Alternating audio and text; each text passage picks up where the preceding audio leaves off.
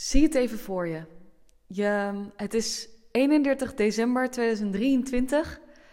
Het is oudjaarsavond. Je staat op het punt om te gaan proosten op 2024. En je kijkt terug op het afgelopen jaar en je kijkt naar de doelen die je had. En, en die waren aanzienlijk hoger dan een jaar geleden. Alleen in plaats van dat je aan het proosten bent, barst de hele bubbel uit elkaar en heb je alles verloren. Lekker het begin van de podcast. Maar ik denk dat dit, of dit krijg ik wel eens vaker terug van ondernemers die hoge doelen hebben en die zeggen ook letterlijk: ja, maar wat nou als ik alles verlies? Wat nou als ik zo hard gewerkt heb aan doelen en, en dat in één keer alles uit elkaar klapt en, en, en, en, en dat ik alles kwijt ben en dat ik niks meer overhoud. Dat ik op straat sta. Nou, echt worst case scenario. Je ziet hem al voor je. Uh, niet te lang in blijven hangen trouwens, maar we mogen het wel even benoemen. Um, die is heel normaal. En herkenbaar, denk ik, ook voor veel ondernemers. Um, laten we gewoon heel eerlijk zijn. Ja, die kans is aanwezig. De, die kans is aanwezig. Dus als we weten dat die kans aanwezig is, want het, het, is, het kan, weet je, het kan. Het heeft zich ook al bewezen bij, uh, uh, bij verschillende ondernemers, mensen die ook in één keer failliet gaan, of dat in één keer, weet ik veel, er, wat gebeurt. De andere kant kent, kent het natuurlijk ook, hè? iemand die echt gewoon rock bottom zit en in één keer enorme getallen binnenhaalt, of weet ik veel, in één keer iets, iets, iets opzet. Dus het kan beide kanten op gaan, maar de kans is aanwezig.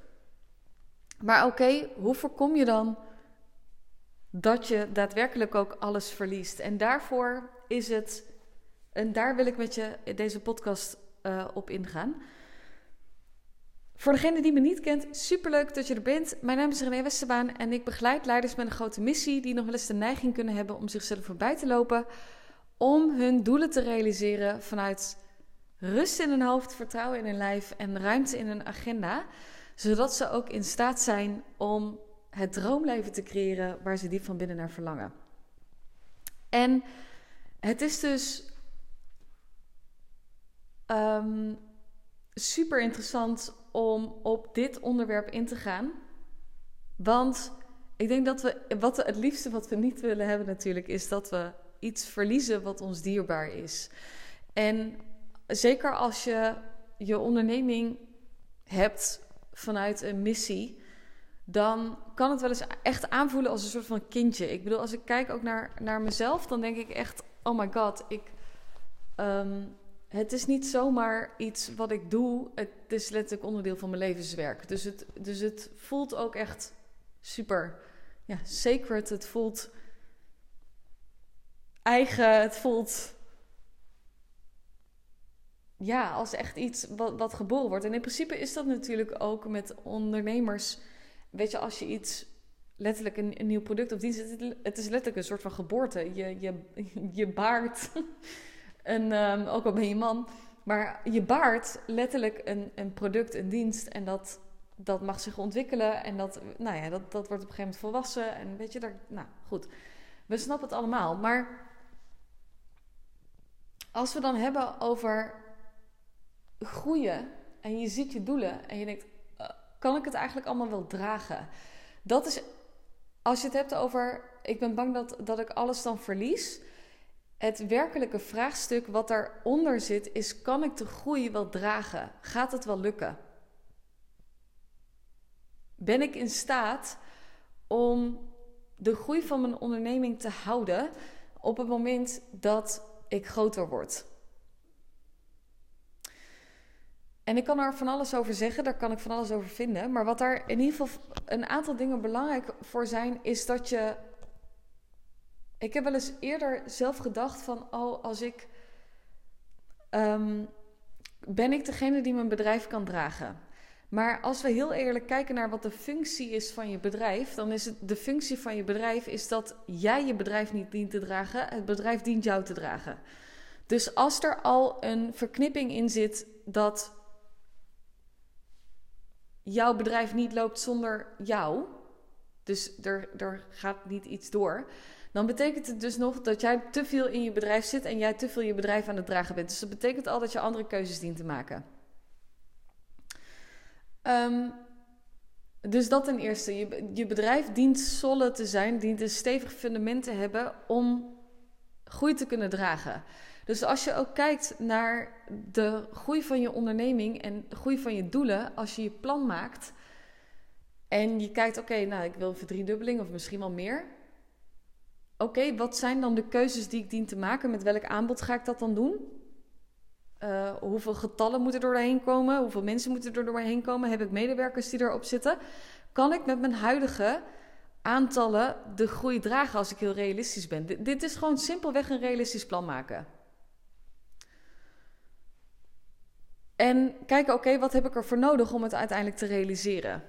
En wat ik heel vaak zie bij ondernemers die het spannend vinden om een bepaalde groei te, door te maken, is dat ze wachten totdat er eerst resultaten zijn voordat ze bepaalde keuzes maken die eigenlijk dienend zijn om die resultaten aan te kunnen trekken. Dus bijvoorbeeld, stel nou dat je meerdere medewerkers nodig hebt, of, of misschien wel meerdere, weet ik veel, een VA of, wat dan ook, om je groei te kunnen dragen, dat ze eerst wachten totdat er klanten komen voordat ze die VA gaan aannemen. Terwijl je dient eerst die VA aan te nemen, omdat dat namelijk de, de, voor de ruimte zorgt om überhaupt die klanten aan te kunnen trekken. Dus um, wat je vaak ziet is dat, dat ondernemers keuzes pas te laat keuzes maken, waardoor ze achter de feiten aan blijven lopen. En ze daardoor meer hun, ja, een soort van slaaf van hun onderneming worden, in plaats van dat ze zelf de regie over een onderneming hebben. Dus wat je wilt doen, en dat is natuurlijk ook ondernemen, is gewoon risico nemen. En ondernemen is ook verantwoord risico nemen en ingecalculeerd risico nemen, is dat je weet waar je naartoe wil, afstemmen wat je daarvoor nodig hebt. En vervolgens daarop anticiperen. Waar het alleen lastig wordt, is dat we op een gegeven moment als ondernemer kunnen denken. Um, Nou, laat ik het, laat ik het zo. Nou, we vinden het vaak te spannend om die keuzes te maken, omdat we dan niet zeker weten of dat het zich gaat terugbetalen. Ja, als je moeite hebt met risico's nemen, waarom ben je dan ondernemer? Um, dit is gewoon echt een vraag. waarom ben je dan ondernemer? Want je, je dient risico's te nemen. Want als er iets, een ding is in het ondernemerschap, dan is het dat dingen onzeker zijn. En zeker als je wil groeien, ja, dan, dan maak je letterlijk ook onzekere keuzes. Als je zekerheid wil, dan, dan kun je. En nou ja, trouwens, zelfs in loondienst is het nog niet altijd zeker. Want als iemand je echt weg wil hebben, kunnen ze je ook alsnog uitkopen. Of dan is er ook altijd wel een weg. Maar um, die onzekerheid, die, die hoort er nu eenmaal bij. Maar op het moment dat jij een ingecalculeerd verantwoord risico neemt, is dat uh, um, super belangrijk. Wat daarnaast een ding is Oh, ik ben bang dat ik alles verlies. Ik hou er zelf van. In het begin van mijn onderneming, dat is trouwens niet helemaal waar. Dit is iets uh, wat ik heb mogen leren. In het begin van mijn onderneming had ik altijd een soort van onbewust haast. Ik wilde alles snel. Het liefst gewoon snel resultaat, alles nu, nu, nu. Misschien herken je het wel, dat jij dat ook hebt. Dat je denkt, nou, hier, hoppatee. Ik, uh, dat je net een actie hebt uitge, uitge, uitgezet en dat je denkt, waarom, is, waarom heeft er nog niemand ja gezegd? Ik heb net een aanbod gedaan. Waarom hangen ze niet met hangende pootjes bij me? En misschien heb je dat al wel op het moment dat je wat meer massaproduct hebt. En weet je, dus dat is per dingen, per branche en wat voor een verdienmodel je hebt anders. Maar als ik bijvoorbeeld kijk naar mijn verdienmodel, ik zit wat meer in, de, in het hogere segment. Dus de aankoop um, is ook vaak wat anders dan bijvoorbeeld wanneer je in de massa gaat en, en, en met een laagdrempelig product werkt. Um, dus ik, kan dan soms, ik kon dan ook wel eens hebben van, nou, en dan uh, wanneer is het dan? En, en, waarom is het er nog niet? En dan ging ik helemaal een soort van stressen en dan, en dan, en dan helemaal in een soort van, paniek, nou, niet paniekstand, maar dat mijn lichaam ook letterlijk, weet je wat, verkrampt. Dat ik denk, het moet nu en ik moet het nu hebben. En, en ongelooflijke controledrang uh, zat erop. Misschien herken je die wel. Um, Waardoor ik eerder dus ook het idee had, als ik resultaat wil, dan moet het allemaal. Ik, ik wil nu die hogere uh, doelen hebben. Dus ik moet nu een enorme liep nemen. Nou, je voelt waarschijnlijk ook al als ik het uitspreek, die ongelofelijke druk die erachter zit. De, de stress ook die erachter zit. En ergens kwam dat stuk ook voort vanuit een bepaalde wantrouwen. Want waarom heb je haast? Waarom had ik haast? Omdat ik eigenlijk gewoon niet vertrouwde. Punt. Wat ik inmiddels wel heb geleerd is dat ik, als ik kijk naar uh, het bouwen van een onderneming, maar met name ook het groeien van je onderneming, is dat ik echt wel liever ga voor duurzaam resultaat en voor natuurlijk ontvouwen. En dat betekent nergens natuurlijk dat, dat ik het allemaal maar aan beloop overlaat, absoluut niet. Um, in plaats van dat ik binnen no time enorme uh, groei wil. Want kijk, op het moment dat je binnen no time zeg maar snel resultaat wil en eigenlijk een soort van sprintje wil, dan bouw je je business op een soort van drijfzand. Terwijl als je ervoor wil, ervoor wil zorgen dat je niet alles verliest en dat niet in één keer alles in elkaar klapt, omdat letterlijk de fundering van je business niet genoeg is. En dan heb ik het nog niet eens over jou als ondernemer. Want we denken heel vaak: oh, het is fantastisch om meer geld te kunnen hebben. Maar jij dient wel de ondernemer ook te zijn die om kan gaan met die verantwoordelijkheid. Want een hogere omzet vraagt ook hogere klanten of, of, of, meer klanten. Of misschien vraagt het een ander segment klanten die andere um, eisen hebben. Die, weet ik veel, wat meer andere uitdagingen met zich meebrengen. Misschien vraagt het wel een groter team. En ook als we kijken naar, stel nou dat je personeel hebt. Als je personeel hebt en je gaat in één keer van een team van, weet ik veel, uh, 5 naar 25 dat doet ook iets met die mensen. Dus je kan niet. En, en met de groepsdynamiek en weet ik het wat. Dus, dus we kunnen niet verwachten. Oh, ik, plan, ik plant maar ergens dingen neer. En, en dan komt het allemaal wel goed. Dat is gewoon niet hoe dat het um, werkt als je, een sterke, als je het vanuit een sterke fundering wil doen. Dus als ik ook kijk naar en, uh, wat mijn visie is op hogere doelen bereiken zonder Um,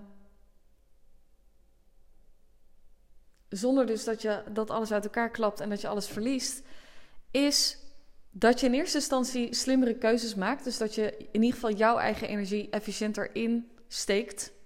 Dus kijkt, oké, hoe kan ik mijn eigen energie slimmer inrichten? Wat mag ik bijvoorbeeld loslaten wat niet meer dienend is?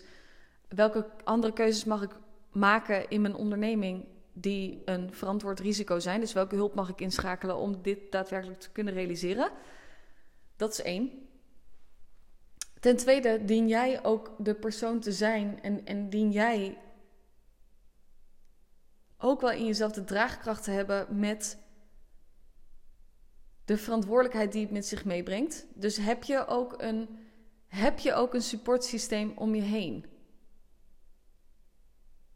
Als je namelijk alle verantwoordelijkheid, weet je, zeker ook als je ondernemer en je draagt alle verantwoordelijkheid. En als we het dan ook nog hebben over personeel, dat vraagt iets van je. It's a lot.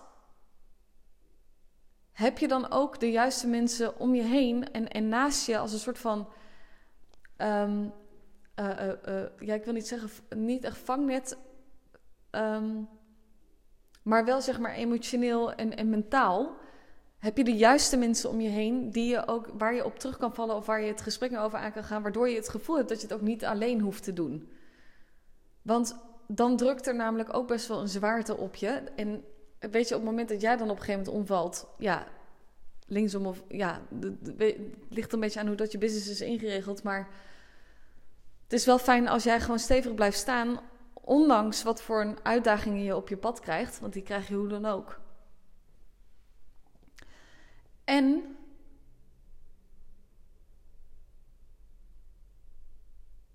je bedrijf zelf dient het aan te kunnen.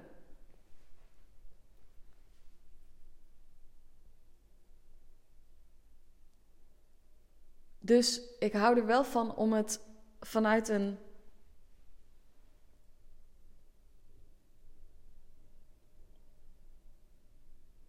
natuurlijk verloop te realiseren.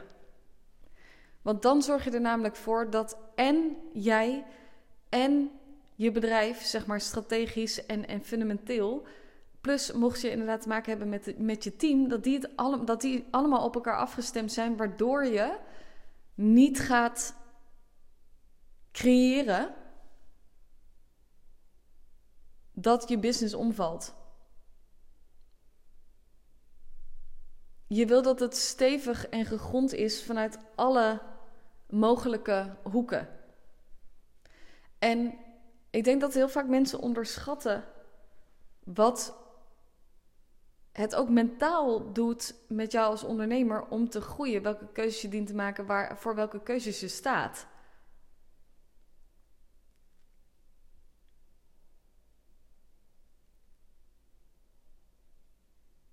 You have to be ready.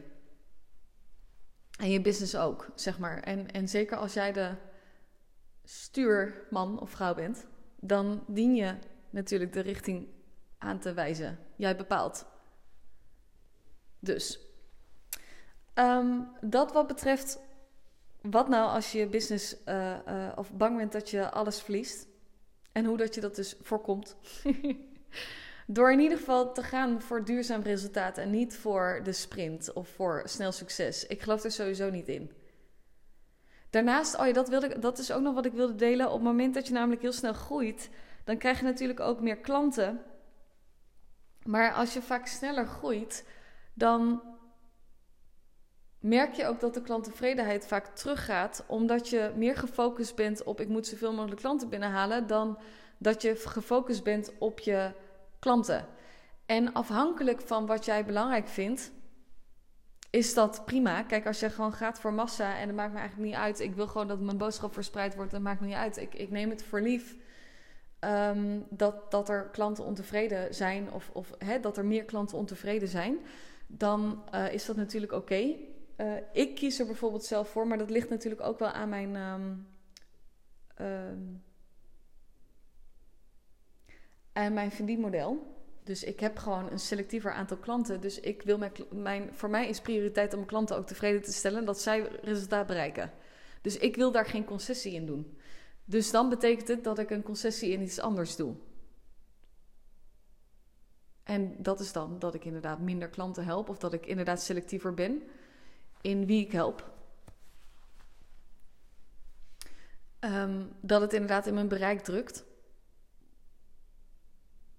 dat is dan de, um, de concessie die ik doe. Dus weet je, iedere keuze die je maakt heeft altijd natuurlijk consequenties. En de vraag is welke consequenties wil je nemen uh, en welke passen er ook bij jouw kernwaarden. Mocht je nou zoiets hebben van: oké, René, wat je zegt, dat klinkt eigenlijk wel uh, top. en ik wil graag met je in gesprek komen om, te, om af te stemmen of dat jij naast me kan lopen. Oftewel ik. Um, plan dan een beetje gesprek in mijn agenda in. Ik kom heel graag met je in contact uh, om af te stemmen of dat ik de persoon ben die jou kan en je, en je business kan helpen om het zeg maar op een duurzaam en gegrond en stevige manier uh, te laten groeien. Uh, ik zet de link ervan in mijn beschrijving en dan wens ik je voor nu een hele fijne dag wanneer je deze luistert en heel veel liefs.